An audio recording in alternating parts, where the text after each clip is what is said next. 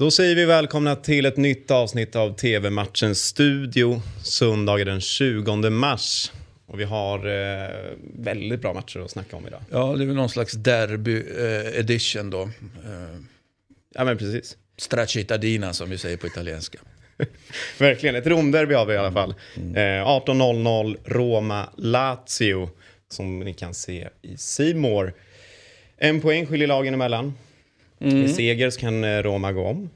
I en Ja, krydda. ja, nej, det vore kul för Roma och framförallt vore det kul då att göra någonting bättre än vad man gjorde i första derbyt.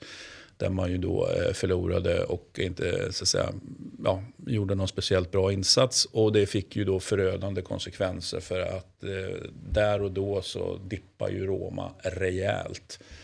Och eh, när vi Ja, men när vi kan sammanfatta den här 21-22 sen så kommer det förmodligen vara så att den dippen blev väldigt avgörande för, för Roma. Faktiskt. Liksom luften gick ur på ett sätt som var ja, överraskande, inte imponerande och så vidare. Nu har man ju spottat upp sig lite grann här på slutet då, men, men ehm, man är ju kvar i Europa i den, den, den, den föga märkvärdiga Conference League-grejen som, som ju väldigt få eh, bryr sig om såklart. Och där är ju Mourinho väldigt tydlig med att oavsett om man spelar bra eller dåligt i Conference League så spelar man inte bra eller gör ingen bra insats. Man står inte för något bra i matchen som följer på Europa.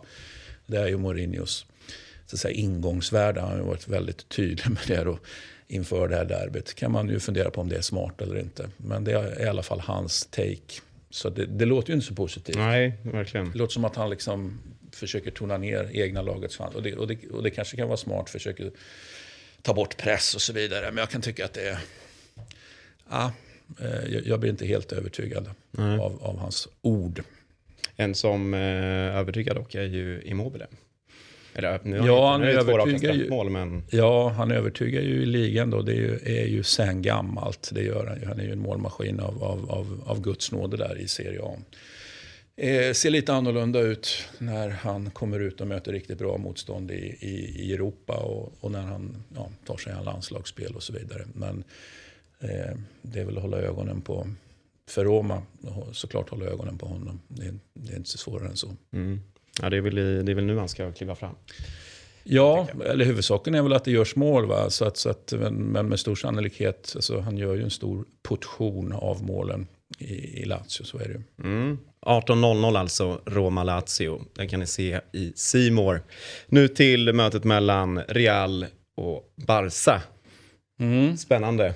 Ett, Ja, Barca som alla nu säger att ja, men nu, har, nu har det vänt och nu är allting, nu känner vi igen Barcelona, nu är allt som det ska, förutom att man ska fortsätta slipa på det här nu så är ändå alla pusselbitarna eh, där mer eller mindre och det kan bara bli bättre och det kommer att bli bättre. Jag är ju inte riktigt eh, lika övertygad om att eh, Alltså att det ser bättre ut, absolut. Att det verkligen har vänt liksom till 100 procent, ja men där är inte jag än.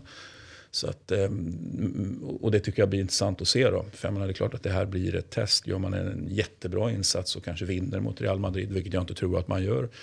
Eh, ja, det är ju då ytterligare ett argument för att det har vänt då. Så att, eh, jättespännande match, eh, både ur ett Barcelona-perspektiv och såklart Real Madrid-perspektiv då, som ju leder Ja, tabellen bekvämt. Verkligen. Och, och liksom joggar mot en, en, en ligatitel. Gör bra ifrån sig i Europa.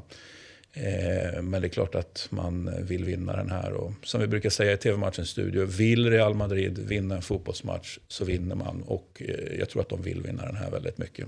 det var det jag skulle komma in på. Vi pratade om den här i torsdagens avsnitt när vi kollade Fotbollsexperten.